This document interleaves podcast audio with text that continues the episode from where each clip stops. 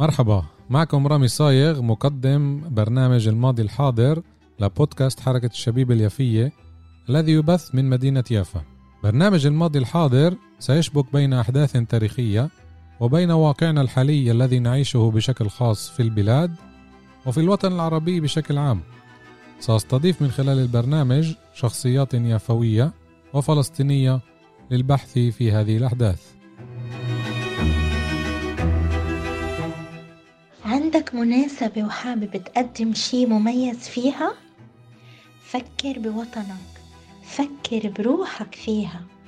محلات زعتر منتجاتنا الوطنية فيها روح البلاد ونسايمها. قهوة مكسرات بهارات فواكه مجففة. هدايا متنوعة للمناسبات وكتير أشياء بعد. أكيد رح تلاقي طلبك فيها. محلات زعتر. مساء الخير حلقة جديدة الماضي الحاضر معكم رامي صايغ. حلقتنا اليوم حلقة مميزة جدا معنا الكاتب علي حبيب الله من عين ماهل وصل مدينة يافا خصيصا لنجري المقابلة والبرنامج عن إيه، منطقة اللي كتير بنسمع عنها ومنزورها مرات عن إيه، الحولة. اللي بيقولوا لها بحرة الغوارنة واللي جذبني على هذا المنطقة إنه مش بس لما الواحد بيروح بزورها إنما لما بتسمع عن وبتقرأ عن هيك معلومات خاصة لما في عنا معلومات موثوقة. فالأخ علي كتب مقال قبل بضعة أشهر بموقع متراس عن الحولة فعشان هيك طلعت ببالي هاي الفكرة واليوم نستضيف الأخ علي وبنشكره لحضوره لبودكاست حركة الشباب اليافية أهلا وسهلا فيك بيافا. أهلا فيك رامي مساء الخير لإلك ول... ولكل اللي بدهم يستمعونا لاحقا على في هاي الحلقة. وأنا مسرور إني في يافا طبعا هذه حظوة بالنسبة لإلي. يعني هاي المدينة جزء من من ذاكرتنا أكيد. كفلسطينيين. ولو إنه سنتحدث من يافا عن الحولة يعني هذا بالنسبة لي في ترميز عالي في الموضوع. فمساء الخير لإلك و... وأنا مسرور إني موجود معك. شكرا لك كمان مرة. للمستمعين آه، بالنسبة للحولة آه، أكيد في منا زار هذا الموقع. موقع كتير فريد من نوعه آه، مميز يقع بين منطقتين كتير كتير مهمات. بدي أقرأ بس إشي بسيط من مقالك عن المقدمة تبعت الحولة.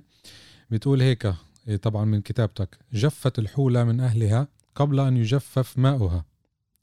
جملة يعني قاضية زي ما بيقولوها. غير أن تجفيف البحر بعد النكبة قد ولد فينا جفوة عن ذاكرة الحولة وأهلها غابتها وسهلها وبحرتها التي ظلت قصة حال المكان والسكان حولها إيه، قصية من ذاكرتنا كفلسطينيين إلى يومنا. وللحولة حكاية مبلولة بماء بحرتها قبل أن يمتصها الجفاف والجفاء معا. في الجليل من شمال فلسطين وإلى الناحية الشمالية الشرقية من مدينة صفد تقع ديار الحولة التي كان يطلق عليها بحسب شيخ الربوة اسم بلاد الخيط والخيط هو نهر الشريعة وذلك لاستدامة واستقامة مجراه. فقيل عنه الخيط الذي خط خيطه بين بحرتي الحولة وطبرية. أسماء إيه، بعض قراه مثل مغر الخيط ومنصورة الخيط وحتى سهل الحولة عرف بسهل الخيط. وبتضيف كمان يحد الحولة من شمالها قضاء مرج عيون وجبل الشيخ وبنياس السوريين. أما إلى الغرب فجبال عامل اللبنانية وهضبة الجولان منها شرقا لتقع الحولة على خط الغور الأعلى فسمي ساكنوها عبر التاريخ بالغوارنة والحولة منها البحرة ومنها السهل ومنها برك الغاب. هاي مقدمة مقالة الأخ علي حبيب الله بموقع متراس مقدمة كتير آه، آه، واضحة. للي مش ساكن بفلسطين طبعا هذا الإشي وضح لنا من ناحية جغرافية أين تقع الحولة. موقعها كتير كتير آه، هام واليوم للأسف اللي ساكن بفلسطين بيعرف إنه صارت محمية طبيعية. هذا الإشي بي بورجينا إنه كيف الاحتلال غير الجغرافي مش الجغرافي غير ال ال البيئة. البيئة بالضبط. واليوم تحولت لكأنه محل الزيارة وهذا هو. إيش إيش اللي خلاك مثلا تكتب عن هذه البحيرة؟ إيه، مساء الخير مرة تانية رامي. إيه، طبعا اللي خلاني أكتب هي مقالة إيه، بحثية ومختصرة يعني نشرت على منصة متراس. انتبهت للحولة في سياق اهتمامي عموما بالبيئات المائية في فلسطين. بالمعنى الاجتماعي بمعنى فلسطيني البيئات المائية. وأثناء الح... برضه كتبت مادة عن طبرية مقالة بحثية كانت مهتم في طبرية فلفتني موضوع الحولة وبحيرة الحيل. انتبهت لفكرة أساسية إنه إنه تجفيف ماء الحوله اللي كان عقب تجفيفها من أهلها إنه هذا التجفيف لمياه الحوله ولد جفوه في ذاكرتنا تجاه المكان اللي اسمه الحوله صحيح. بمعنى إنه الناس اليوم لا تعني الحولة إلا مجرد مفردة في ذاكرة الناس وذهنيتها إلا إذا مرت من هناك بذكرك تعرف ال ال ال ال الجايد يعني السياحي إنه مرشد آه. المرشد السياحي إنه انه هون كانت الحوله وجففت وإلى آخره. فهي الجفوة لها علاقة بايضا مش بس بتجفيف سكان الحوله بتجفيف الماء والبحره اللي كانت موجودة. واللي وقعت الحولة بكل تشكيلها البيئي المائي الاجتماعي الثقافي كله وقع من ذاكرتنا كفلسطينيين يعني لو قارنا مع طبرية لم يعد عرب باستثناء منطقة وادي الحمام قرية وادي الحمام اللي هن أصلا غوارنة. م. أهل وادي الحمام. تم توطينهن بعد ال 48 اللي هن بأصول من الحولة بس أنت لما بتروح على طبرية وجود البحر حافظ على علاقة ما بينك وبين المكان. صحيح. معنى إنه المي ضلت تعطي مي في ذاكرتك كفلسطيني. م. إنك بعدك بتزور الطبرية وبتزور البونت وبتزور هذيك المنطقة. فأنا انتبهت لهي القضية إنه شو اللي صار معنا؟ إنه اللي صار معنا إنه تجفيف البحره قطع علاقتنا في المكان. وتجفيف البحره ولد جف واتجاه ذاكرتنا اتجاه سكان المكان؟ صح. إنه من هن أهل الحوله واللي كانوا طبعا يسموهم الغوارنة. هاي مسألة مهمة رامي. إنه أيضا الغوارنة في إقصاء لهذا التشكيل الاجتماعي المرتبط في بيئة جغرافية ما في إقصاء من ذاكرة فلسطين. عموما هذا ممكن تشوفه على مستوى كل مناطق آه، منطق خط تماس فلسطين شرقا. اللي هي المناطق الغور وإن الغوارنه أصلا مستمد اسم من الغور الغور, الغور الأعلى لأنه منطقة الحولة كانت تعتبر الغور الأعلى. والأسفل والبحر الميت. وفي الغور الأوسط اللي أوسط. بيمتد ما بين طبرية وبيسان. ومن ثم الغور آه، التحتاني اللي كان يسموه بالمصطلح العامي اللي هو كان يمتد حتى بحر الميت. أنت بتلاحظ إنه هون في تشكيل سكاني ارتبط في بيئة جغرافية مهمة من تاريخ فلسطين اللي هو نهر الأردن.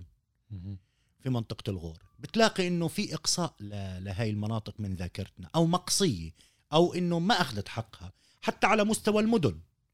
أنت لاحظ بيسان شو حضور بيسان في ذاكرتنا كفلسطيني؟ شو بنعرف عن بيسان؟ قليل جدا. أريحة هذا بنطبق عليها لحد ما وطبرية. لما كتبت على طبرية قلة ما لقيت مراجع بتتحدث عن التاريخ الاجتماعي. أنا لا يعني أنت بالآخر أنت بالآخر مش مؤرخ لا لا لا جغرافي مش هذا الموضوع. م. هو الموضوع أنك تحاول تتعرف علاقة السكان في المكان. م. يعني علاقة الفلسطيني في المكان. وتحاول تشوف المكان الفلسطيني بعيون أهله. هاي مسألة منهجية ملاحظة منهجية رامي مهمة. إنه أنا ممكن أرجع للأرشيفات ويكون فيها مجموعة من المواد الأرشيفية اللي بتتعلق في طبرية. وأنت بالعموم بتقدر تكتب تاريخ فلسطين من خلال الأرشيف. ولكن لن تتعرف إلى فلسطين من خلال الأرشيف. أنت تتعرف إلى فلسطين من بلغة أهلها. بمعنى بالمعجم الاجتماعي اللي من خلاله كان الفلسطيني يشوف المكان يشوف مكانه. وبالتالي لما بتيجي بتحكي عن طبرية مثلا أو بتحكي عن الحولة أو بتحكي عن لبسان أو عن كل هاي أو عن الريف الممتد ما بين هاي المناطق. إيه إيه التراث الشفوي. بتيح لك مساحة لفهم كيف كانت علاقة الفلسطيني في هذه المناطق في الأرض. منها بنرجع للحولة الحولة تحديدا سكان الحولة أكثر ما كان يطلق عليهن الغوارنة. يعني لما كان يقال الغوارنة م. كان يقصد فيهن غوارنة الحولة تحديدا من كل مناطق الغور. مم. لأنه غوارنة الحولي تاريخيا هن توطنوا مع بيئة مستقرة على مستوى البر والماء. لأنه بحرة الحولي بيئة مائية مستقرة. على خلاف الناس اللي توطنوا على ضفاف نهر الأردن من السمكية شمال طبرية مرورا بطبرية وسمخ والعبيدية وبدك تنزل لكل التشكيل البدوي اللي كان ما بين طبرية وبسان اللي هو مثل عرب الصقرة وعرب البشاتوة وجسر المجامع وكل هذه المناطق. طنك توصل إلى ما بعد بيسان فروني وكل هذا الخط المنطقة. ولكن لما كان يقولوا الغوارنة كان يقصد فيهن الغوارنة اللي هن سكان منطقة قرى ريف المحيط في بحرة الحولي وسهلة وطبعا الغوارنة لأنهم في الغور الأعلى وتعرف الغور في اللغة هو المنطقة التي منخفضة. تغور بين جبلين بالضبط مم. تنخفض وتغور بين جبلين مم. الآن في مسألة ملاحظة مهمة فيما يتعلق في الغوارن اللي, اللي أنا بعتبر أنه في آه، في إهمال وإقصاء لهذه الشريحة الاجتماعية من الذاكرة الفلسطينية لناحية أنه هنا في هوية تشكلت آه، انبثقت من معطى جغرافي ما اللي هو منطقة الغورية الماء النهر والبحرة الحولي وبالتالي هذه الجغرافيا عملت على صقل وتشكيل هوية ما محلية لها طابعها وميزتها الاجتماعية والثقافية اللي هي مرتبطة في هاي البيئة اللي هي تحديدا في منطقة الحولي بمعنى أنه الغوارنة مش ينسبوا إلى إلى منبت أو أصل معين محدد مثلا لا. هو تشكيل جغرافي تر- ترتب عليه تشكيل اجتماعي وثقافي بمعنى خليني أعطيك مثال بمعنى أنه خذ مثلا في جنوب بحيرة آه، الحولي كان عندك قريتين من أصول مغاربي. تليل والحسينية مم. جنوبا باتجاه النهر النهر المجرى النهر باتجاه آه، طبرية كان عندك هناك مناطق يسمون منطقة كراد البقارة وكراد الغنامي اللي هن من أصول كردية من كردية. أيام صلاح الدين توطنوا تلك المناطق مم. بس كمان كان يطلق عليهم الغوارني ومنهم كانوا البدو ومنهم كانوا زي أهل الملاحة كانوا يعتبروا تركمان في الأصول وبالتالي المنابت والأصول مختلفة ولكن الجغرافيا كانت كفيلة بإعادة تشكيل هذه الهوية الغورية للغوارنة اللي هن ارتبطوا في, في وبالتالي صار في سحنة على مستوى الجسد والملامح. واللون متشابهة وإلى آخره وثقافة دارجة متعارف عليها مستمدة من هاي الحياة في البيئة الجغرافية اللي هي كانت تتوزع ما بين الحولة البحرة والحولة السهل والحولة الغابة أو البرك كان يسموها مم. لأن الأسماء بتختلف طبعا بمعنى أنه كمان كان شيخ الربو يسموها بلاد الخيط. مم. أنا ليش بسمى بلاد الخيط؟ هي مسألة كمان في هنا ملاحظة جدا مهمة. امتداد نهر الأردن ما بين بحرة الحولي وبحر الطبرية كان مستقيم. مم. بمعنى إيه إيه في استدامة واستقامة لمجرى النهر. وبالتالي كان مست- مستقيم أشبه بالخيط فسموها بلاد الخيط. مم. وبالتالي تسمى أكراد الخيط. ومنصورة الخيط ومغري الخيط كلها هيك بسموها نسبة لهذا الخيط الممتد للنهر. هاي مسألة أنت بتعرف رام إحنا علاقتنا في النهر صارت علاقة على مستوى المعجم على مستوى اللغة والاصطلاح. هي لغة جغرافية حديثة مرتبطة في سياق استعماري. أكيد. بينما لو أنت رجعت للقاموس الاجتماعي عند سكان منطقة الغور وبالتا... وتحديدا على ضفاف نهر الأردن بتلاقي إنه ال- النهر بين كل مرحلة ومرحلة بين كل مسافة ومسافة كان يطلق عليه مس- مسمى معين. مسمى لطبيعة تشكيله الجغرافي أو لأنه مرتبط في حدث اجتماعي ما عند تلك المرحلة من من, من مساحة ال- النهر. فبتلاقي إنه حتى هو هو ال- الاسم الشائع يعني في- في القاموس الاجتماعي تبعنا الشريعة. ما. حدا بيقول نهر الأردن يعني ما ما ما, ما, ما في نهر الأردن. ما بتعاملوا معه باي يعني هو اسمه نهر الأردن تمام متعارف. بس الناس كيف كانت تسمى ففي منطقة الحولي كان آه، النهر يسمى لما بخرج من الحولي باتجاه طبريه يسمى الخيط. مم. الآن هذا النهر تحديدا هو التقاء ثلاث أنهر هي مسألة جدا التنويه لإلها. اللي حتى أنت بتشوف كيف المعجم ما بين استعمارية ال- المكان كيف بتعيد إنتاج الفضاء ومسمياته وما بين التسمية المحلية الشعبية في التراث المحكي والشفوي بالتالي خذ مثلا هو نهر الأردن تشكيل لثلاث أنهر اللي هو البانياسي اللي اليوم يسموه الحرمون والحصباني البنياسي أول شيء اللي بنبع من احدى مغاور بنياس. مدينة بنياس مم. كان يسموه البنياسي وإنت حتى إذا بتلاحظ في التسميات وفي الشعر الشعبي بتعاملوا مع النهر ككائن مم. وبعدين بيجي عندك اللي إحنا من اللي صار اسمه اللدان بس هو كان اسمه نهر تل القاضي. طبعا البنياس اللي بشير له اللي بيجي من بنياس كان يمر عبر وادي العسل. وادي مشهور في منطقة الحولي شمالا. انه يوصل لقبل الحولي في سهل الحولي. الآن برضه من شمال في منطقة مرج عيون اللدان. اللدان هو اسمه نهر تل القاضي. ومن الحاصباني كان ينبع نهر الحاصباني اللي كان يسموه الغوارني نهر السنير هي تلاحظ كل نهر في له تسمية, تسمية مختلفة, مختلفة. بالضبط. يعني هذا شيء منهجي مهم جدا. ما هو آه، آه، رامي ليش بقول على المستوى المنهجي؟ بالآخر قضية فلسطين. يعني فلسطين مش موضوع بحثي للمؤرخ. فلسطين قضية. وبالتالي هاي مسألة كيف يرى وكيف يسمي سكان المكان المكان كيف يتعاملوا معه هي مسألة في غاية الأهمية. في ال... وهذا هذا بتلاقيه في التراث المحكي وفي التراث الشفوي أو في الكتب التذكارية. لأن هاي الثلاث أنهر كانت قبل ما تصل بحر الحولي كانت تلتقي في تل بسموه تل الشيخ يوسف. وهناك عند هاي البركة كانوا يسموها الغوارني مربط المي. أنت شوف التعبير مربط المي يعني, يعني الأماكن المي اللي ما قبلتش تتصالح فيها الأنهر في أي مكان تتصالح في سهل الحولي. تتصالح يعني تلتقي وتتقاطع تشكل نهر الأردن لأن لما كانت تشكل نهر الأردن كان يقولوا الغوارني بنحر السهل النهر مم. بنحر يعني. بمر فيه بقصه. مم.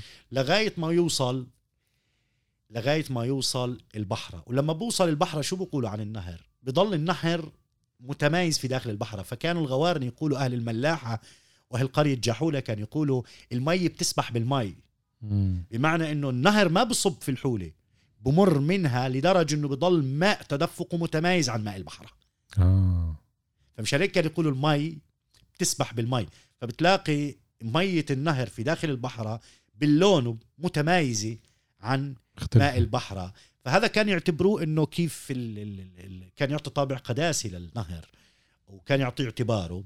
وكان يقولوا المي بتسبح بالمي في هذا التعبير اللي بتحدث عن التدفق اللي بضل شغال حتى لما يبر من البحر. ومن البحر بيطلع وبيت وبينزل اتجاه بمر من جسر بنات يعقوب. وهنا في ملاحظة. أنا قبل فترة رامي كتبت عن جسر بنات يعقوب فيما. يتعلق في التسمية. وهذا الجسر أكثر جسر وقعا في ذاكرتنا كفلسطينيين. بنفكره سوري يمكن. انت بتعرف بعد النكبة علاقتنا في الأنهر والجسور قطعت. إيه إيه صارت علاقة جدا نحيفة. يعني إحنا فكرة الجسور كانت عند الناس قبل ال 48 كانت جسر حاضر. بمعنى إنه في تنقل والفضاء والتراب اخذ تراب في بلاد الشام والبلاد مفتوحة على بعضها. وبالتالي الجسر حاضر في حياة الناس. بينما ما بعد النكبة انقطعت علاقتنا في البيئة النهرية عموما في فلسطين وبالذات تحديدا نهر الأردن كأكبر شريط حدودي بيفصلنا عن الأردن. وعن الجسر إحنا في الداخل آه، لما فت صارت معاهدة وادي عربي بدأ آه، مفردة الجسر يعني تدرج على الألسن عندنا. فجسر يعقوب جسر بنات يعقوب بتعرف إنه هذا كمان الإسرائيليين كيف اشتغلوا الصهاينة على إعادة المسميات أو استملاك المسميات وإعادة إنتاجها ب بيهوديتها وعبرنتها في أفق صهيوني. في آه. أفق صهيوني هي مسألة مم. مهمة جدا أوكي. يعني بدك تميز بين التراث العبراني ويعتبر تراث أصيل في المنطقة مم. وبين صهينه هذا التراث وأسرلته وإعادة إنتاجه بأفق صهيوني سرقته. جدا مهمة. فلما جسر بنات يعقوب هو أصلا بحد نهر الخيط قربا من الحولي وكانت عنده قريتين قرية كراد البقارة وكراد الغنامي. هذول هن قصة كراد البقارة وكراد الغنامي لأنه ما بعد النكبة تم توطينهم في مطلع الخمسينيات في عام 1949 تحديدا. أو مطلع الخمسينيات تم توطينهم في شعب. كمان. شعب برضو قصتها طويلة كتبنا عنها قبل فترة في عرب 48 ملف عبارة عن ثلاث مواد. عن استثنائية هاي القرية في النكبة. أكيد رح يكون لنا بر- برامج آه تانية بتعرف النكبة هي. صح حدث واحد بس يعني نكبة واحدة ولكن أكيد. أشكالها مختلفة. وإحنا في عنا في فلسطين في شكل من أشكال المتحف للنكبة. بمعنى بصير تسليط الكشافات على على نقاط معينة في النكبة أحداث معينة مدن معينة قرى معينة. وشوي شوي بتتلاشى ذاكرة وتقصى ذاكرة كثير مناطق من فلسطين وقرى أخرى اللي صار فيها النكبة صار فيها أنماط من الاشتغال لنكب الناس على بأشكال مختلفة بالعموم نرجع لجسر بنات يعقوب بس على السريع هذا الجسر التسمية الدارجة إنه نسبة إلى يعقوب. النبي. يعقوب آه نعم صحيح وإنه هو مرق ومر من هناك طبعا هم بيقولوا بنات يعقوب مع إنه التراث العبري أصلا يثبت إنه آه. يعقوب سيدنا يعقوب ما كان عنده غير بنت واحدة يعني اللي. هي ليئة الآن مع إنه ال- المصادر ما قبل القرن التاسع عشر المصادر مصادر المنطق المصادر بما فيها تاريخ العثماني اللي هو. بيأرخ ل- للعثماني اللي اللي أرخ لتاريخ صفد إيه، عدة مصادر بتذكر إنه جسر يعقوب وما في بنات بالموضوع مم. وكان عندي هاجس في ال- المقالة البحثية اللي اشتغلتها إنه كيف مفردة البنات تسللت إلى التسمية يعني. إذا كان النسب في التسمية إلى يعقوب النبي. فيعقوب النبي لم يكن لديه بنات. وبعدين تثبت المصادر إنه منذ أيام الصليبيين أو ما بعد الحروب الصليبية أيام المماليك منذ إنشاء هذا الجسر على هذه المخاضة هناك م. كان في معبر تاريخي أكيد منذ ما قبل الم- الصليبيين بس كان الضفتين آه ال- ال- المخاضة هي المنطقة اللي بيضيق فيها آه،. بتضيق ضفتين النهر. وبصير بالإمكان العبور عفوا بتتسع فيها ال- وبستصعب النهر. العبور وبصير آه، منسوب المياه أقل بصير سهل العبور. هاي بسموها مخاضة. مم. على هذه المخاضة بني الجسر في أيام المماليك كانت يعني تقدر تحكي بالقرن الثالث عشر ميلادي. مم. من منذ بنائه حتى عام 1860 تقريبا 1865 لم يكن هنالك اسم. تسمية إلا بجسر يعقوب. مم. فمنين تسللت تسمية البنات؟ فهذا كان سؤال. طبعا آه، في آه، الروائي ال- ابن قرية كراد البقارة الأستاذ حسن حميد اللي كتب رواية جسر بنات يعقوب واللي حاول بصورة متخيلة إعادة ت- آه، ب- آه، إعادة خلينا نقول بناء حكاية تسمية الجسر. هذا جزء من منطقة الحولي. بس بالعموم أنا أشرت ل- لرواية أخرى رواية شفوية دارجة في فلسطين اللي هي بنات يعقوب الحارثي. يعقوب الحارثي اللي مر من هذاك الجسر وكان مطارد من إحدى قبائل حوران و... وكان معاه بنتي بقولوا إنه بنت واحدة كان اسمها فاطمة والثانية صبحة. وبالتالي لما وصل الجسر وشاف حاله مطارد وإنه صار يشوف اعترف بهاي البنية العربية الذكورية إنه بناته عبء عليه من المطاردة. فبتقول الرواية إنه هو أغرقهن في الماء أو انهن هن رأفة بأبيهما زتوا حالهم في الماء أغرقوا حالهم في الماء. من هون تشكلت حكاية ورواية عن بنات يعقوب الحارث اللي هي هاي رواية بترجع. هاي الرواية إيه، يعني بتقدر تقول إنه لما بدأ يسمى الجسر بنات يعقوب هذا بتزامن مع رواية يعقوب الحارثي اللي هو أصلا من وادي الحوارث اللي هي القرية اللي موجودة في قضاء ساحل على الساحل المتوسط من قضاء طول كرم وادي الحوارث. وكتب عنها أظن اللي هي رواية اسمها اسمها رواية وادي الحوارث أظن الياس خوري أو ما بحضرني أنا ما قرأت الرواية بس سمعت قرأت عنها يعني. فبالعموم آه، هاي كله جزء من تراث تلك المنطقة. وبالتالي ال- ال- الحولي كان فيها تشكيل سكاني جدا غني وفي هون مناسبة كمان لتصحيح آه، معلومة شائعة رامي إحنا عن لما يؤرخ عنا لتاريخ أول حالة صدام واشتباك في فلسطين في التاريخ الحديث مع الاستيطان الصهيوني في البلاد يؤرخ لمنطقة ملبس قرية ملبس اللي أقيمت عليها في تحت في عام 1886 لا غير دقيق. هذا الاشتباك صحيح حدث بس مش أول اشتباك. أول اشتباك واعي مع الاستيطان الصهيوني في فلسطين كان في الحولي في قرية تليل. قرية؟ تليل تقع في قرية تليل تقع في جنوب الحولي جنوب غرب هذا الكلام في سنة 1864 لما البارون روتشيلد آه، شرى قطعة أرض في هذيك المنطقة أو استأجر قطعة أرض من أجل شرائها وحاول يقيم مستوطنة أول ما وضعوا حجر الأساس سموها مستوطنة موشاف يعني سموها المستوطنة مستوطن. يعني هذا أول مسمار دق في التاريخ الحديث للاستيطان الصهيوني في البلاد تنطعت عائلة تعرف أنا قلت لك تليل والحسينية هن من أصول مغاربة من أصول جزائرية تحديدا. بس إحنا لما بنقول المغرب بنقصد المغرب العربي, كله. العربي. مش مزبوط. الأقصى لحاله المغرب العربي كلياته الآن لأنه كل مغاربة بلادنا هم جزائريين بالمعظمهم. بس بنقول عنهم مغاربة نسبة للمغرب العربي. صحيح. عائلة الحاج حسين الكبير اللي هي من أصول جزائرية من قرية اسمها بليدة مم. أو بليدة. بليدة اللي هن جاءوا منها في أواسط القرن التاسع عشر لحقوا بعبد القادر الجزائري. هن تنطعوا لهذا الاستيطان وصارت معركة واشتباك. قتل فيها مجموعة من اليهود المستوطنين الصهاينة واستشهد فيها ثلاثة من عائلة الحاج حسين الكبير. وبالمناسبة عائلة الحاج حسين على اسمها سميت الحسينية قرية الحسينية اللي كانت مجاورة لتليل اللي كان يفترض يقام عليها هذه المستعورة. إذا عام 1864 في الحولة في قرية تليل للجزائريين الفلسطينيين من اصول جزائريه كانوا أول من تصدوا الغوارنه لهذا الاستيطان وهذا بعود ل 1864 بس للتصحيح وللتدقيق لأنه إحنا شائع عندنا إنه أول حالة اشتباك مع الاستيطان الصهيوني بالمعنى الصهيوني. م.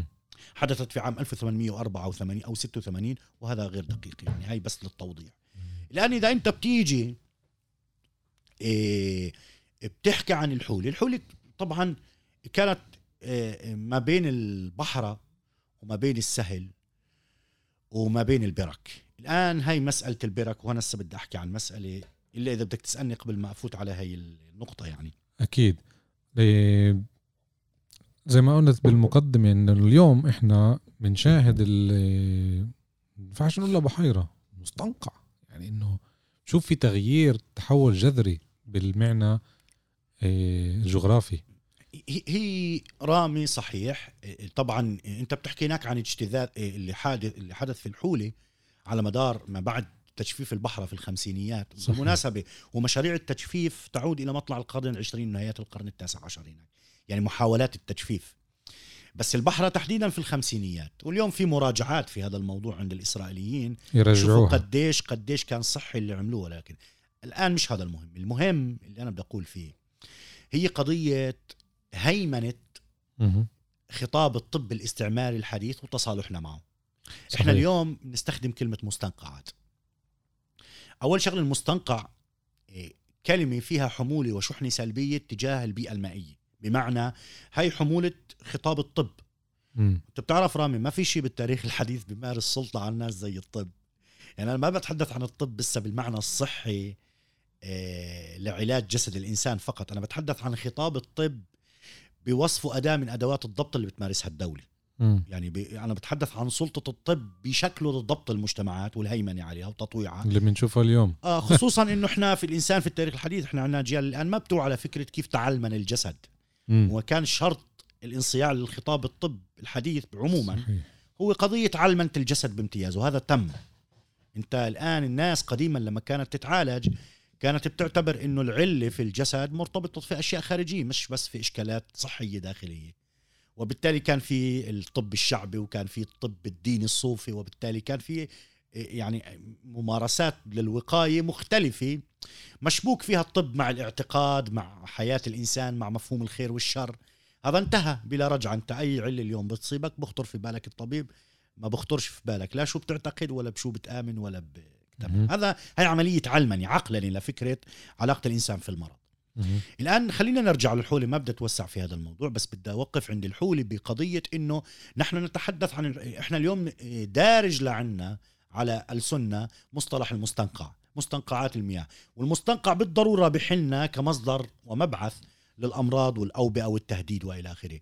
هذا شكل من أشكال تصالحنا إحنا أصلا كعرب وكفلسطينيين في هذه البلاد مع هيمنة هذا الخطاب. الآن في مستنقعات عبر التاريخ بتشكل أمراض وإلى آخره بس أنا عم بتحدث عن كيف تم توظيف خطاب الطب الحديث.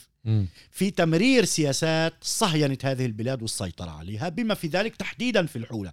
إذا أنا برجع ليش كنت أحكي من البداية رامي؟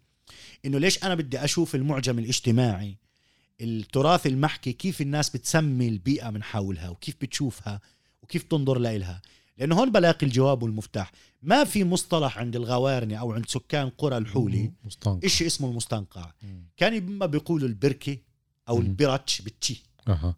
بالتشه يعني مية مش غميقة. البركة أو يقولوا البصة. بصة في طب إحنا بيافا. البصة لليوم. أيوه البصة هو التعبير. لدينا لفكرة استنقاع المياه. وتبركها في مكان معين لدرجة إنه كان في عندنا قرى تسمى البصة. مزبوط. بالذات في المناطق الساحلية. يعني إحنا عندنا أقصى قرية في الشمال قربا من ساحل المتوسط هي البصة. إحنا هلأ موجودين بمنطقة بصة يافا. في بصة يافا وفي في إحنا كنت بحكي عن بصة البصة اللي شمال عكا. أكيد هذه شمال القرية. الزيب. آه كانت كان- قريبة من مم. البحر. الزيب كانت أقرب للبحر بس كمان كانت تعتبر ساحلية البصة. وعندنا في في ساحل طول كرم إيه، جنوبي ام خالد كان عندنا بسط الفالق. مم. اللي أو بركة الشيخ رمضان. أنت. أيوة. شوف اسم القرية كيف. بصة الفالق أو بركة الشيخ رمضان البصة هي نفسها البركة. صحيح. وبالتالي الناس ما تتعامل مع هذا التشكيل البيئي المائي وإن كان بترتب عليه محاذير وأخ- وأخطار معينة بس ما كانت تتعامل معاه بوصفه مصدر تهديد.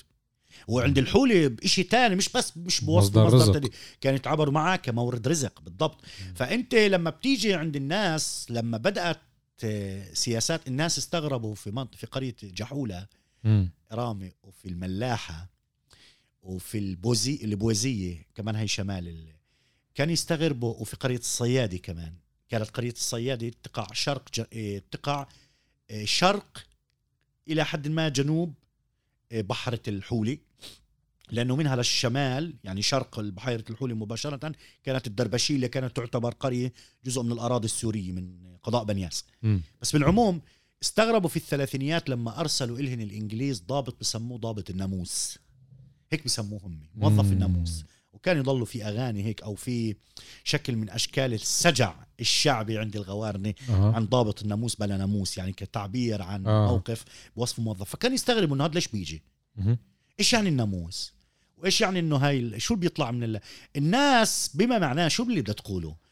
إنه اللي عاش ابن هذيك البلاد وابن هذيك البيئة الطبيعية والجغرافية أصلا جسمه ات system بنى كجسم هو أصلا مولود وابن هذه المنطقة وبالتالي عنده مناعة ومحصن الجسد. لأنه هذا الجسد ابن هاي البيئة مش جسد غريب على هاي البيئة. اللي اجى جسد غريب على هاي البيئة في في أواسط القرن الثامن عشر وإط- التاسع عشر وإطلع هو اللي بدأ يشوفه بالذات آه، اللي أجوا توطنوا في مستوطن يسموها زبيد نسبة لقرية كانت هناك أيضا كانت تسمى زبيد قرية بدوية. وبالتالي كانوا يعتبروا أنه هاي ال- البرك أو هاي البصات اللي يسموها المستنقعات كانوا يعتبروها مصدر تهديد للأمراض والملاريا والأوبئة وإلى آخره.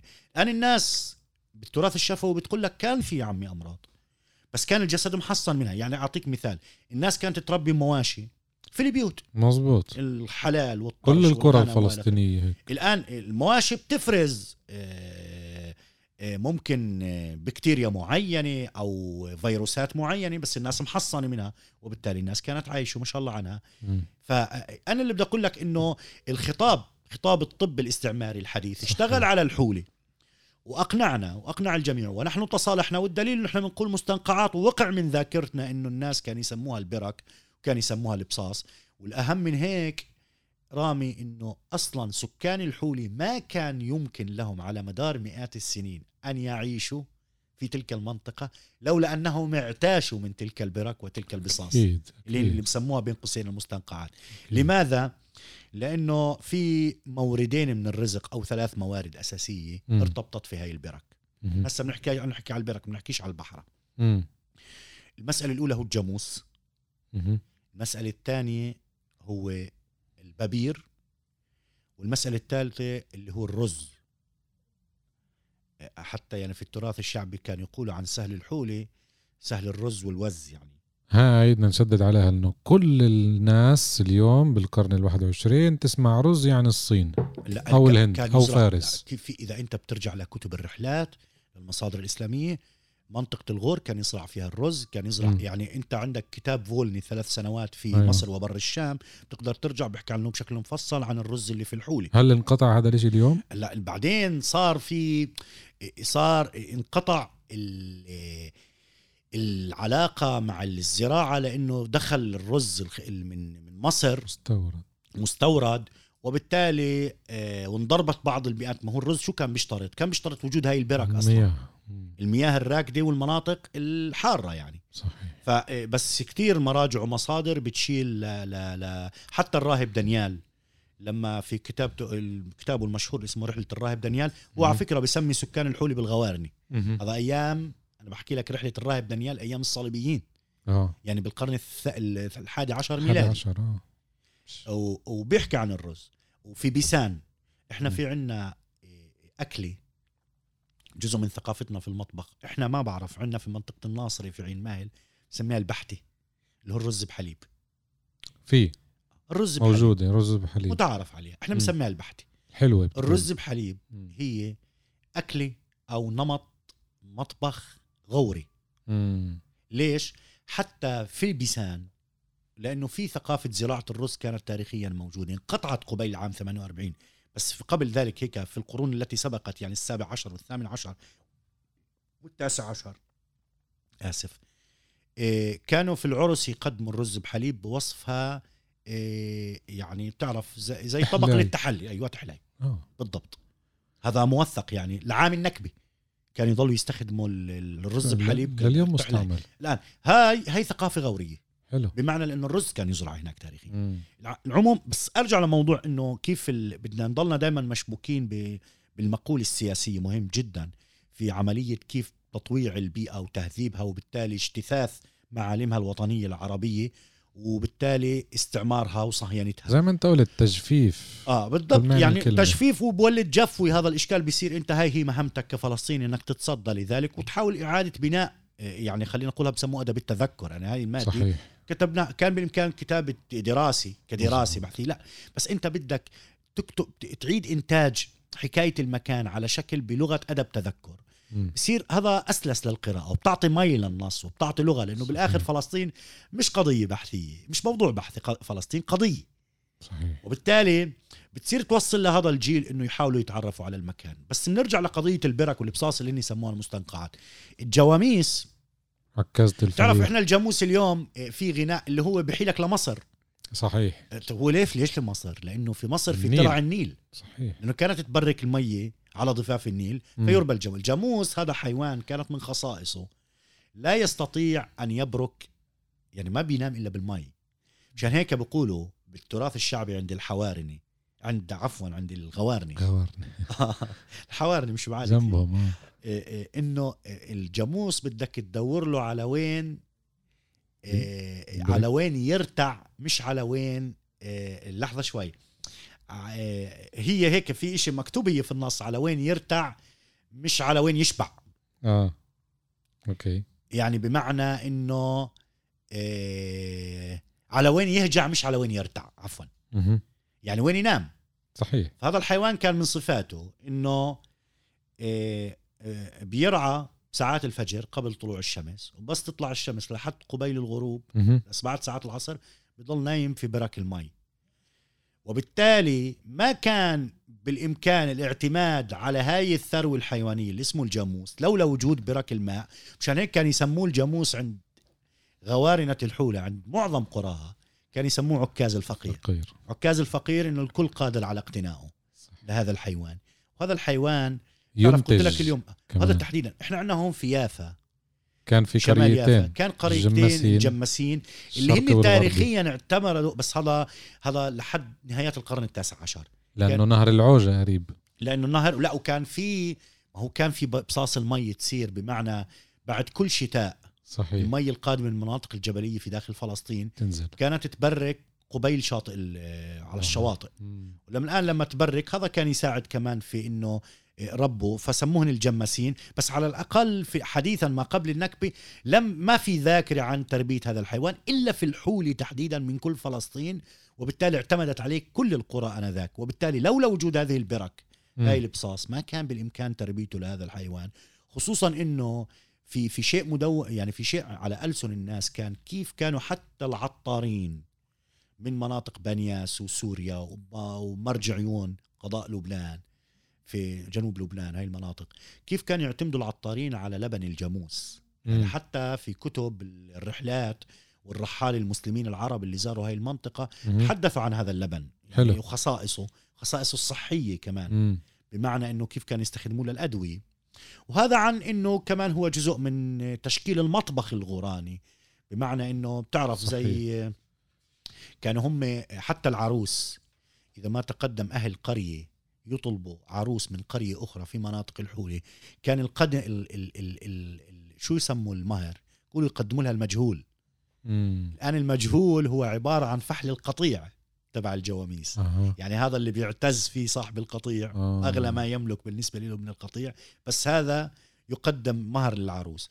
و- وكان يسموا حتى المولود ابن الجاموسي.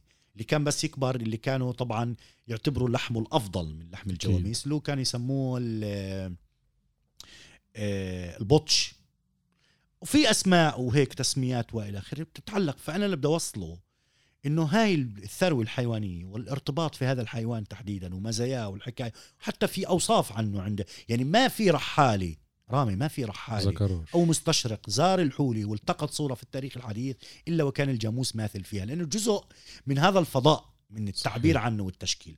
هذا اولا. إيه مسألة ها- قلنا حكينا قلنا الرز والجاموس الببير الببير هاي مسألة كانت في غاية الأهمية. إنه مع إنه كتب الرحلات أحيانا ال كان يخلطوا بين الحلفة والببير. الحلفة والببير الحلفة كانت تنبت في كل مناطق الغور بالمناسبة مم.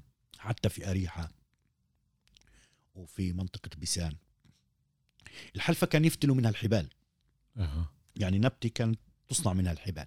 بس الببير تحديدا ما كان بإمكانه ينبت كنبات كنبات غراني أو نبات غوري إلا في هذه البرك البصاص اللي إجا الخطاب الطب أجا سماها المستنقعات وعمل كسر اجتماعي وثقافي وبيئي بيننا وبينها كمستنقعات ولكن هذا كان ينبت في داخل في داخل هاي البرك فهذا بالمناسبة رامي مش نبات موسمي هو زي القصب بس أرفع منه بكتير مم. بشيح يعني بصل طوله لمترين ومترين ونص وثلاث أمتار أحيانا مم. وهو نبات على مدار السنة لدرجة أنه لما كان يق... وبنبت في داخل الماء يعني مم. على أحواض هذه البرك برك الماء وبالتالي كانوا يقصوه الآن لما يقصوه يعني على ذمة أهل تلك المنطقة الغوارني أنه ثاني يوم بيقولوا النبتة بتعاود ترعن. هذا آه. مصطلح شعبي. شو يعني ترعن؟ يعني تطلق اطلع من جديد.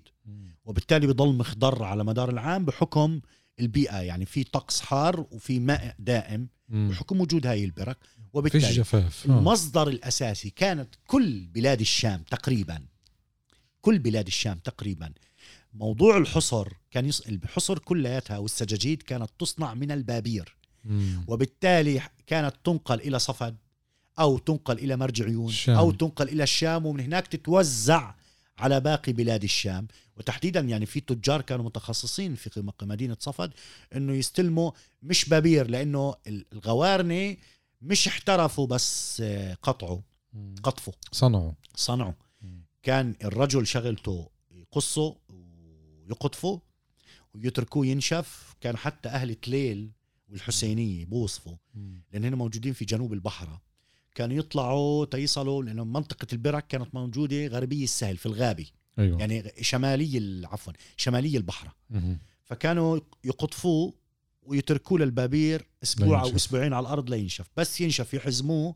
وين يحطوه؟ على وجه المي بحرة الحولة. ينزلوه. على البحرة لأنه خفيف وناشف كانت البحرة تحمله جنوبي البحرة تيصلوا قرية حلو. آه تليل وأحيانا شو يعملوا؟ كمان أحيانا يربطوه ويمشي معه يمشي مثلا الرجل تقيل. ماسك الخيط والبحرة هي ال- أحزمة الببير أيوه. وهذا الببير بس يوصل كان بيتم قشطه وس- وسله.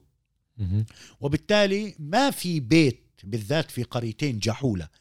وقرية الملاحة وكذلك في قرية تليل. ما كان في بيت وقرية الصيادي تماما لأن الأقرب على البحر. ما كان في بيت بدون وجود نول اللي هو الأداة أو الماكينة اللي الشعبية المحلية اللي كانوا يصنعوا منها النسيج وينسجوا عليها الحصر والحصائر والسجاجيد. وبالتالي هذا كان يعتبر مدخل رزق. مصدر رزق ومورد صحيح. أساسي. ما كان بالإمكان للبابير أصلا البابير كيف انقطع؟ انقطع مع تجفيف المياه مياه هذه مياه. البرك ومنطقة البرك وبالتالي هذا مورد وفي عليه تراث وغناء وتشكيل اجتماعي سيسيولوجي بتعلق على كيف الفلسطيني من من الغوارني أو الغوراني الفلسطيني كيف كان يتعامل مع بيئته مع هذيك المنطقة ومع هذيك الكتلة الجغرافية المتمايزه مم.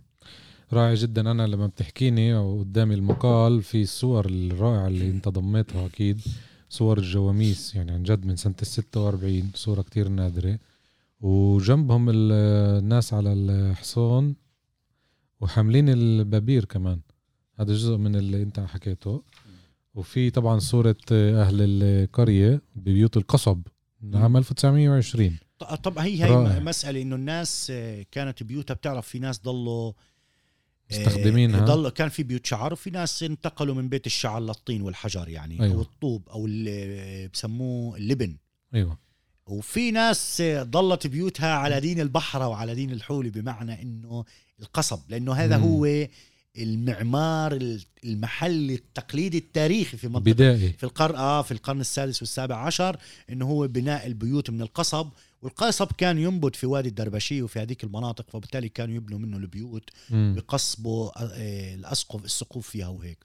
هاي آه، لناحية آه، موضوع آه، البناء. طبعا تحول. هو شوف القرية ال- الأكثر آه، آه، آه، آه، تراثا وحضورا. هي قرية الملاحة. أكبر وحدة كمان؟ هاي كان بيقولوا بما معناه الطبل الكبير الذي مم. تعودت قرى الحول الرقص حوله. لأنها هي تقريبا مرت فترة طويلة من تاريخ الغوارنة هي فقط اللي كان فيها جامع للصلاة. آه. تيجي الناس في الأعياد تصلي فيها. مركز يعني. جحولة وتليل والحسن ما كان في مساجد ولا كان في جوامع.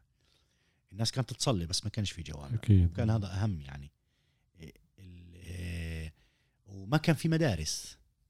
ففي تراث يعني في من التندر اللي بتحدث عن كيف بالمدرسة الكتاب يعني في في الملاحة. مم. إنه كيف كانوا هناك يكلبشوا للولد يعني تعرف يربطوا له بالما يخلص النار عشان ما يهرب. فآه في تراث بتحدث عن هذا الموضوع عن كيف. هي فالملاح القرية الأهم وإذا أنت بتلاحظ رامي إنه في قسم كبير من القرى أسمائها مستمدة من القاموس البيئي المتعلق في البحر. زي الملاحة جحولة الصيادي الصيادي نسبة لعلي الصياد اللي هو عند أهل الصياد يعتبر شخص مقدس زي ولي صالح مم. ومؤسس القرية لأنه كان صياد بالمعنى أنه إحنا عندنا الأولياء تعرف في تراثنا اللي بيتعلق في المقامات والأولياء وال- والرجال الصالحين إيه، بتلاقي إنه ما في قلة ما تلاقي شيء في له علاقة في البيئة المائية. يعني فعلي. الصياد هو اسمه علي الصياد ولي صالح مؤسس القرية. وحتى في شيء من من التاريخ اللي إحنا بنسميه بالمعنى المنهجي هو أنت بتعرف أنت بتأرخ لمخيال الناس كمان مش لبس شو ساوت الناس لكيف فكرت الناس. ففي واحدة من الروايات من أدب النبوءة هذا بنسميه إنه بقولوا قبل النكبة الناس في الصيادة شافوا على الصياد قام من مقامه بلون أخضر نور أخضر وتوارى داخل البحرة بهذا المعنى يعني ك ك بيقولوا للسلامة في لها علامة بمعنى انها هاي إشارة سابقة على يعني نذر شؤم بتعلق في شو بدي حل في المنطقة وكذا اللي بعدين صار النكبة يعني هذا مم. شكل من أشكال تعبير الناس ومخيالها وهيك مم. وبالتالي بس أنت لاحظ إنه القاموس تسمية القرى كمان أيضا مرتبط في البيئة الجغرافية. وكذا بس كان تحديدا أهم الملاحة يعني حتى في في مراحل مبكره من القرن السادس عشر والسابع عشر أكثر من زائر من رحال من آه، ال- آه، وغير أوروبيين اللي ذكروا هاي القرية ووجود الناس فيها وهيك. جميل رائع أنا بس بدي أذكر المستمعين إنه كان لي حلقة مسجلة مع ابن واحدة من القرى اليوم بلبنان خالد خالد حسين اهله من الزوق التحتاني الزوق التحتاني أيضاً عملت. معه بشكل غير مباشر وكانت حلقة كتير مميزة نوجه لهم التحية لكل أهالي ال- المنطقة لكلها. هذه اللي أغلبهم تهجروا للبنان مش لبنان، صحيح. إيه وكمان ذكرنا بيسان برضه عملت حلقة عن بيسان وقابلت شاهد محمد سرحان اللي اليوم عايش بفراديس عاش النكبة كان شاب آه. ذكر على بيسان. طبعا ما ما أعطاش المعلومات الجغرافية أكثر من المعلومات العامة أكثر آه. فكل هذا بربط بشبكه بشبكنا مع بعض. ال ال كيف قلنا أنا بقول هيك بالعامية زي بازل وعم نركبه هلأ. انه تفتفت بال 48 بال- بالضبط. نرجع من نركبه من و- جديد وإنت في في في مهم جدا. هو شغلة إحنا في في في السياق اللي إحنا موجودين فيه سياسيا رامي. المحو وانسداد بنعيشه. الأفق سياسيا بمعنى على مستوى المشروع الفلسطيني وقضية فلسطين. لو في محاولات لتصفيتها. طبعا. هذا بيبدأ من الداخل من عندنا وبيوصل للمغرب العربي هناك بوصل مزبوط. وهذا خطير. وأنت في هيك ظروف كمان بتصير إنك أنت شكل من أشكال مواجهة هاي الأشياء إنك تعود. إيه، إيه، قلت لك إنه بدك توسع من حيز مساحة التذكر. مم. إنك شو بتعرف عن فلسطين. صحيح. قلت لك إنه كمان النكبة فيها شكل من أشكال المتحفه بمعنى إنه بصير في ترميز سياقات معينة من النكبة وبتسقط أشياء معينة من ذاكرتنا وكذا هذا هذا كثير موجود يعني بمعنى شو اللي واقع من ذاكرتنا وبما في ذلك موضوع الحولة والتشكيلة السكانية أنت ما بدك تيجي تحكي للناس فقط شو صار في ال 48 كيف تم تهجير الناس أكيد. وكيف. تحكي لا في. في خلفية اجتماعية في بالضبط. علاقة الناس في هيك آه وفي مسألة حتى في العلاقة مع البحره مم. يعني البحرة أنا شدني ولفتني كيف الناس وهو في إشي هيك ممتع في الموضوع بتشوف إنه بنرجع لقضية القاموس والأسماء والتسميات وهيك أنت بتعرف رامي إحنا علاقتنا في السمك اليوم وفي أنواع ضئيلة. السمك الأسماء أنت قاموس تجاري هذا اللي. موجود يعني الناس ما كانت تسمي هيك الناس كانت تسمي إيه، بحكم علاقتها في البيئة مم. كيف هي بتصنف الأشياء وكيف هي بتشوفها يعني أنا بتذكر في طبرية اللي بكتبنا عن طبرية لفتني إنه المشط مش مم. الطبراني له سمعة قوية في فلسطين آه مش الطبراني إنه المسلمين في المدينة بيسموه مشط مم. عرب المسيحيه المدينة العرب بيسموه مار بطرس مم. واليهود بيسموه سمك موسى فهمت علي يعني السمك على دين أهله صح فبتشوف إن الاسماء القوامو القاموس شعبية. بيختلف آه. شعبيا صحيح. في الحولة أكثر ما لفتني قضية البني اللي هو يغنى له غناء في أغنية المشهورة يا سمك يا بني. مم. نرفضها بني على أساس إنه لونه بني. وكان لونه أسود مش بني. أها. بس هو هي التسمية بني. ليش؟ ويقال إنه تسمية سريانية. بمعنى آه. هذا السمك ال- البني الشيء اللي بيكون يعني له علاقة في الصعوبة. هو هو كان في صعوبة في صيده بالمناسبة. مم. هذا السمك بالعموم في كل بيئات فلسطين الداخلية والغربية ما كان موجود سمك البني. السمك البني أكاد أجزم بأنه فقط في الحوله كان. موجود. أي نعم. طبعا المقدسي. مم. بذكر إنه هذا السمك موجود في الحوله نقل في أيام الفاطميين من نهر مدينة واسط في العراق. هي معلومة موثقة. آه. وتم إيش؟ إيه نقله. إيه نقله وتعم تزريعه في ال في, في تربيته في في, في الحوله وأصبح سمك هناك. ويغني هاي الأغنية المشهورة مم. إيه صيد العصاري يا سمك يا بني. وبالمناسبة ال- البني إيه قليل ما كان ينوجد في طبرية بمعنى إنه البني ما كان يمشي مع النهر يطلع من الحوله وينزل على طبرية. آه. قليل فيضل في الحوله فوق. وبالتالي حتى البني لما كانت تثلج ال- الغور الفوقاني. وفي ثلج كان يستطيع يطلع من البحيرة مع الثلج. ويشوفوا الناس صار موجود برا يعني. واو. هذا بالمناسبة متكرر عند أكثر من حدا بيحكي على موقع فلسطين في الذاكرة بيحكي عن قضية البني أها. وعن هذا. الآن هذا السمك ب ب ب بآخر النهار. بهرب من بطن البحرة إلى كتفها. أيوه. يعني من عمقها قديش كان عمق الحولة؟ أكثر عمق كان فيها ست أمتار. مهم. من عمق الحولة وكان يروح على الشاطئ وعلى الشاطئ هناك بصير يتحرك بحركة كثيفة يعني وبصير الناس يصيدوه في هذا الوقت. مشان هيك بالأغنية بيقولوا له صيد العصاري. مم. اللي هو ال- التوقيت اللي بيطلع فيه هذا البحر العصر. إلى إلى حف... إلى إلى إلى يعني إلى حواف النهر أو إلى شاطئ البحيرات. كان موجود فكان فهذا من الأسماك اللي كان غنيه في يعني كان معروف إنه موجود فيه بحيرة الحوله طبعا بحيرة الحوله في أيام الانتداب البريطاني رامي العلاقة مع البحره بدوا الناس يشعروا في الحوله في الهيمنة الاستعمارية في المنطقة من خلال علاقتهم بالبحره وكيف تحول شكلهم. بالأمانة حتى نهاية الدولة العثمانية كان الصيد في البحره مشاع. البحره مشاع مش ملك لحدا. صحيح. والناس كل أهل الحولة يتصيدوا. مع الانتداب البريطاني وشراء آه، توفيق الخوري اللي هو من أصول لبنانية احتكار الصيد السمك في الحوله وبالتالي صار في كسر في علاقة الناس مع بحرتهم إنه صار معنا الانتداب البريطاني. الاستعمار صار يفرض شروط وقيود على الصيد وبالتالي سمح لهم في الصيد المشاع فقط في النهر. والناس كانت تحب تتصيد في البحره مش في النهر. لأنه أسهل.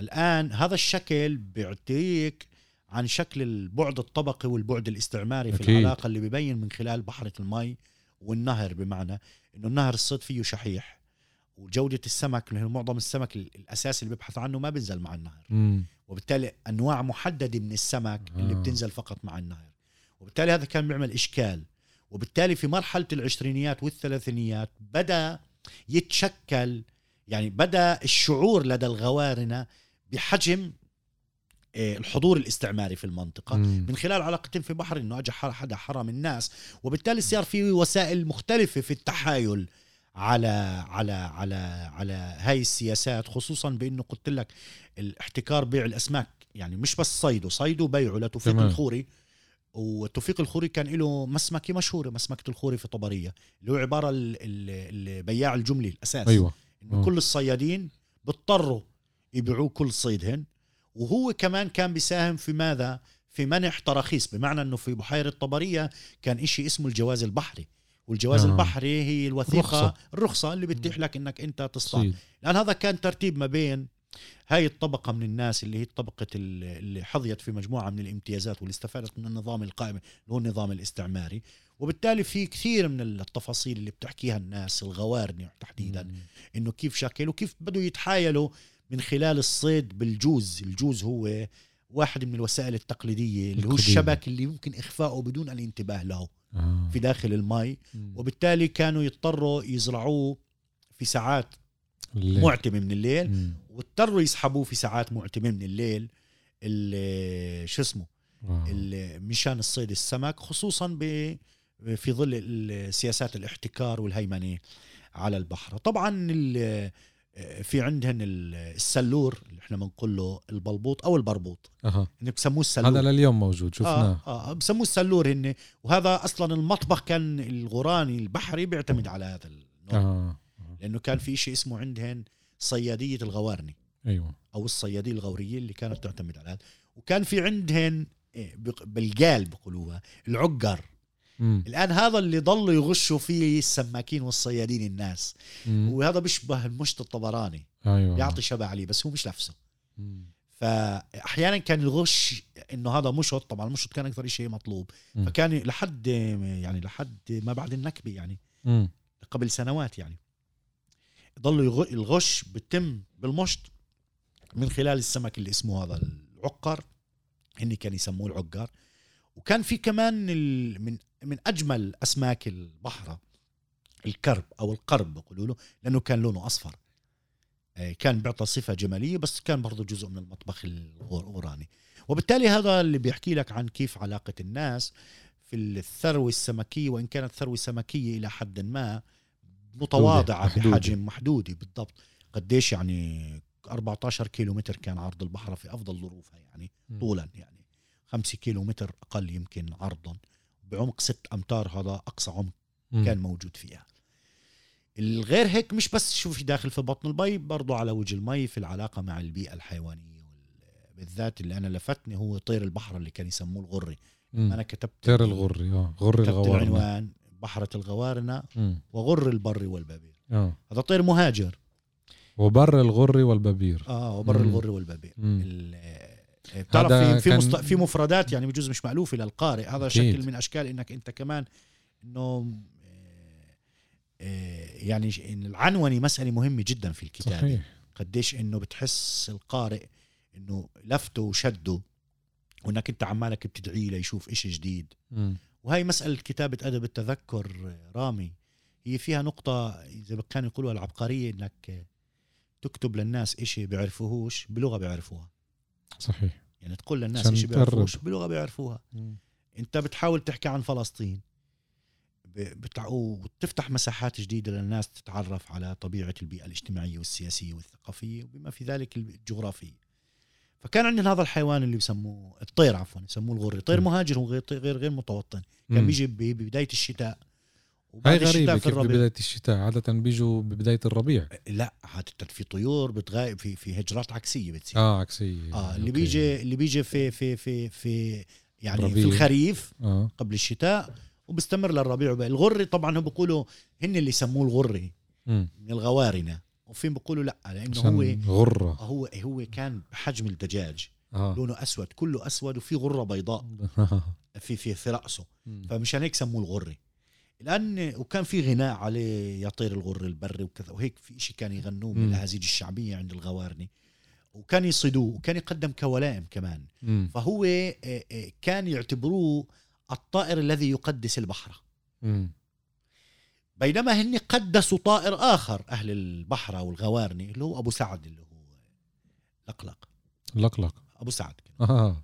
فهذا في شيء لطيف في حكمة الغوارني في التعامل مع هذا الطير. هذا الطير كان يمنعوا صيده وأكله. مم. وليش؟ لأنه كان بيعتبروه طير مقدس. الآن مم. أنا لفتني لماذا؟ بس في عندنا تخريجي جميلة بمعنى إنه هذا الطير مش محرم أكله. بس كيف كان يحرموا في تحريم الصيد. فشو يقولوا؟ يقولوا لحمك حلال بشرعنا صيدك حرام. آه. يعني أنت شوف الناس كانت ما انعمها وما ألطفها يا أخي حتى في التحريم. في شيء لطيف بمعنى إنه أنا ما بقدر أجي بس احرم يدكاش الناس بس إذا موجود مين أنا أقول للناس باكله. هذا حرام تعمله أو آه. هذا حرام تاكله آه. أنا عم بقول لك لحمه مش حرام لحمه حلال بس حرام صيده صيده. طب معناته يعني هذا صك غفران للطير مشان ما حدا يصيده آه. بشكل علاقه الإنسان في بيئته فليش كان يقدس هذا الطير أنت بتصير تحاول تتذكر أنا بعدين بعد ما نشرت المادة تواصلوا معي أصدقاء يعني ناس تعرفت إليهم باتوا أصدقاء اللي هن أصلا نعم من الغوارنه أول شغلة شدن إنه في حدا بيكتب مم. أكيد مكتوب عن الغوارد وعن الحولة بس أكثر من حدا لفتني لقضية إنه كيف استمرت عملية تقديس هذا الطائر عندهم حتى ما في بعد اللجوء. النكبة آه. ما بعد النكبة آه. إنه لما كان بيمرق من المخيم الطير أو من مناطق إيه، وع- وعرة جنب المخيمات كان هذا الطير ي- أو لما يروحوا على المناطق الساحلية زيارة وهيك كان يذكرهم هذا الطير في أكيد. في الحوله لأن كان يقدسوه في الحوله الآن قداسته شو تبين من وين جاي من إنه هذا الطير اللي أصلا بتقدر الوحيد تشوفه عن مسافة بعيدة لأنه بتعرف لونه أبيض. ورجليه. هيك ساقونه لون أحمر بارز وبالتالي وجوده عند البحرة هو مصدر يعني بحيل لفكرة الطمأنينة والسكينة في البحرة وبالتالي وجوده بدليل على سكينة البحرة آه. ومصدر لطمأنينة الناس لأنه البحرة كانت في كثير عند بعض القرى شو يصير فيها رامة كانت تفيض. تفيض ويصير فيضانات ويصير كوتل مرات تكون مصدر تهديد بالمعنى. المائي يعني. فهذا الطائر هو اللي كان يمنح ال- السكينة سكينة. بعدين كانوا يعتبروه شيخ البحرة بحكم شكله ولونه. وبالتالي قدسوه ولاحقا تبين إنه آه حتى عند أولاد الغوارنه اللي ولدوا في المخيمات وفي اللجوء إنه ورثوا عن اهاليهم هاي العلاقة ف- وهاي التميمة في العلاقة مع هذا الطائر تحديدا اللي هو طائر أبو سعد طبعا. هذا عموما عموما ال ال اللي بتعلق في الحوله في كمان بط أنا انتبهت له مش بط صغير. في أنواع أنا بتعرف أنت بالآخر إيه إيه شو أنت شوف إذا أنت إذا يعني إحنا ما بنشتغل على مستوى إيه حفر في التاريخ البيئي. أكيد. لا انت بتحاول تشوف كل شيء بيربط كل كائن بيحاول يعيد إنتاج أو بربط علاقة الإنسان في المكان. مم. لأنه هاي العلاقة هاي مش علاقة سياحية. أكيد. هاي مش علاقة استعمارية. هاي مش علاقة عابرة. هاي علاقة متينة. متينة من خلال الكائنات ومن خلال الأدوات ومن خلال التشكيل سواء كان النباتي أو الحيواني. في شيء بنشأ مخيال اللي بصير يسرد سردية علاقة الإنسان في مكانه واللي هي علاقة الفلسطيني في بيئته واللي هو علاقة الغوراني مم. في الحولة وبالتالي بتصير تشوف هذا الطير اللي سموه الغرة ليش بيعتبروه طير البحرة وبقدس البحرة وكيف شكله وكذا وكيف بيغنوا له. بتصير هنا هون ببطل الحديث عن حيوان بيجي على بيئة لا بصير في سردية بتتعلق في كيف كان ما هي فلسطين أو هذا المكان في فلسطين محلية هذا المكان بتعني للإنسان فيه من ترابط اللي هو بيلتحم فيه العظم مع اللحم مم. اللي هو علاقة الفلسطيني في أرضه وكيف الطارئ اللي بيجي في التاريخ الحديث في سطو مسلح بقلع الناس وإلى آخره وبيحاول يجتث كل هذه المعالم كل هذه المظاهر كل هذا الإرث وبالتالي يعيد إنتاج هذا المكان بوصفه مكان سياحي سياحي بقى. آه تمام فهذا هذا فهون إحنا بتعنينا القضايا اللي بتتعلق في البيئة زي هذا الطائر أبو سعد حكينا عن قداسته وكذا من وين هذا الشيء مستمد؟ زي العلاقة مع الحيوان زي العلاقة مع النبته زي كله. كل هذا بشكل سرديات مخيال اللي هي بتوضح علاقة الإنسان في هذا المكان اللي زي ما قلت بكررها هو علاقة التحام العظم على اللحم يعني علاقة الفلسطيني في أرضه يعني. جميل جدا يعطيك ألف عافية على كل هاي المعلومات اللي سردناها خلال ساعة من برنامجنا وزي ما قلت الماضي الحاضر إحنا كتير ذكرنا الماضي بس باختصار قلنا الحاضر. الحاضر هو إنه اليوم أصبحت محمية طبيعية مكان للزيارة مكان سياحي. إيه، يتم مشاهدة الطيور والحيوانات والأسماك من خلال نقاط معينة وبنفع الواحد يتجول إما مشيا أو على آه، الدراجة الهوائية. وكل التاريخ اللي انت ذكرته بهاي الساعة تم محوه مش بس التاريخ إنما كل الحياة اللي كانت هذه تم محوها اليوم مش من اليوم إيه، طبعا اليوم إيه، صار الإشي جاهز بدا من وقت مشان هيك في عندنا تحية خاصة لأهلنا من سكان الحوله اهالي الحوله من قراها من جميع قراها المؤجرين. مم. الغوارنه اللي هن كانوا أهل آه، هذيك المنطقة اللي عاشوا معها. واللي انت ما بتقدر تتعرف إلها إلا بعيونهن وبلسانهن وبلغتهن أكيد. اللي كانوا آه اللي كانوا موجودين أكيد بنوجه لهم التحية لكل المستمعين آه، أكيد رح تسمعونا عبر التطبيقات Spotify Podbean جوجل وكمان عنا آه، ال Apple آه، وطبعا عندنا صفحة حركة الشبيبة اليافية وصفحة بودكاست حركة الشبيبة اليافية. نشكر الكاتب علي حبيب الله من عين ماهل. معلومات كتير قيمة. شكرا كتير لك. وإن شاء الله يكون لنا حلقات تانية على قرى ومدن تانية. شكرا للمستمعين. نحن بنحب نسمع ملاحظاتكم و ضلكم بالتواصل معنا. الحلقة الجاي كل عام وأنتم بخير بمناسبة حلول السنة الميلادية. إن شاء الله السنة الجاي نعطيكم كمان برامج غنية وإن شاء الله تضلكم تواصل معنا. الله معكم.